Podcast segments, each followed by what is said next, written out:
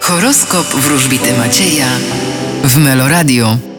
Baran, Możecie spodziewać się polepszenia waszych finansów. byk, Będziecie silni i charyzmatyczni. bliźnięta, Otwierajcie kieszenie, pieniądze idą. rak, Możecie odcinać się od otoczenia na rzecz inwestycji w siebie. lew, Spodziewajcie się pewnego zastoju i wstrzymania. panna, Wy będziecie kierować się uczuciami i empatią. waga, Będziecie pracować, ciężko pracować. skorpion, Możecie zdobywać jakąś wiedzę, która otworzy Wam drzwi do dalszego sukcesu. strzelec, Spodziewajcie się powodzenia na polu zawodowym.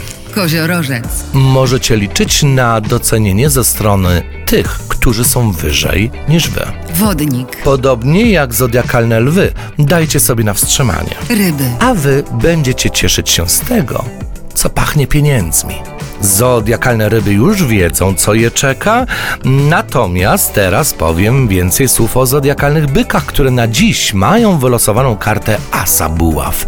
As Buław w tarocie oznacza nowe życie, e, zmiany, mm, przełom, nową drogę, działanie, szybkość, energię. W każdym razie zodiakalne byki, czy to mogą rozpocząć nową pracę, czy to mogą zacząć budowę domu, czy to mogą rozpocząć nową relację. W każdym razie zodiakalne byki nie będą się nudziły i będą z zapałem wdrażać nowe.